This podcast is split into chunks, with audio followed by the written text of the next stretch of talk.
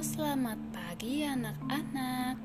Hari ini saya mau berbagi cerita tentang Yesus dan badai. Cerita ini adalah tentang perjalanan Yesus dan murid-muridnya melewati badai di tengah lautan. Yesus berkata kepada kedua belas muridnya, mari kita menyeberangi danau. Sepanjang hari itu, Yesus telah mengajar dan menyembuhkan banyak orang. Kemudian, mereka meninggalkan orang banyak itu dan pergi naik perahu.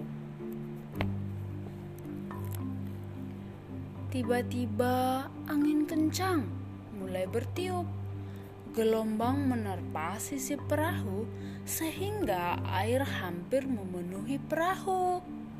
Namun Yesus tertidur nyenyak. Murid-murid membangunkannya. Mereka berseru, "Yesus, tidak pedulikah engkau terhadap kami? Kita akan tenggelam." Yesus melihat betapa takutnya mereka. Lalu ia berdiri dan memberi perintah kepada angin dan air. Diam, tenanglah. Angin kencang reda dan danau kembali tenang. Yesus bertanya kepada murid-muridnya, "Mengapakah engkau takut?" Engkau tidak percaya? Murid-murid Yesus bertambah takut. Mereka berkata seorang kepada yang lain, "Siapakah orang ini?" Sehingga angin dan air pun taat kepadanya. Nah, anak-anak, ini cerita tentang Yesus meredakan angin dan badai di tengah lautan.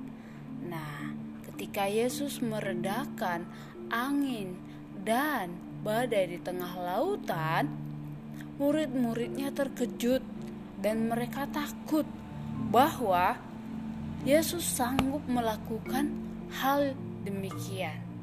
Nah, bagaimana anak-anak? Apakah kita lebih takut kepada eh, hal-hal uh, yang menakutkan seperti uh, angin, badai, daripada kita takut kepada Tuhan Yesus.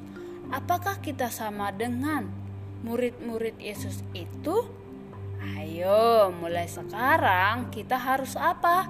Kita harus lebih percaya kepada Tuhan Yesus daripada takut kepada hal-hal di luar daripada Tuhan Yesus. Oke, anak-anak, terima kasih sudah mendengarkan. Bye bye.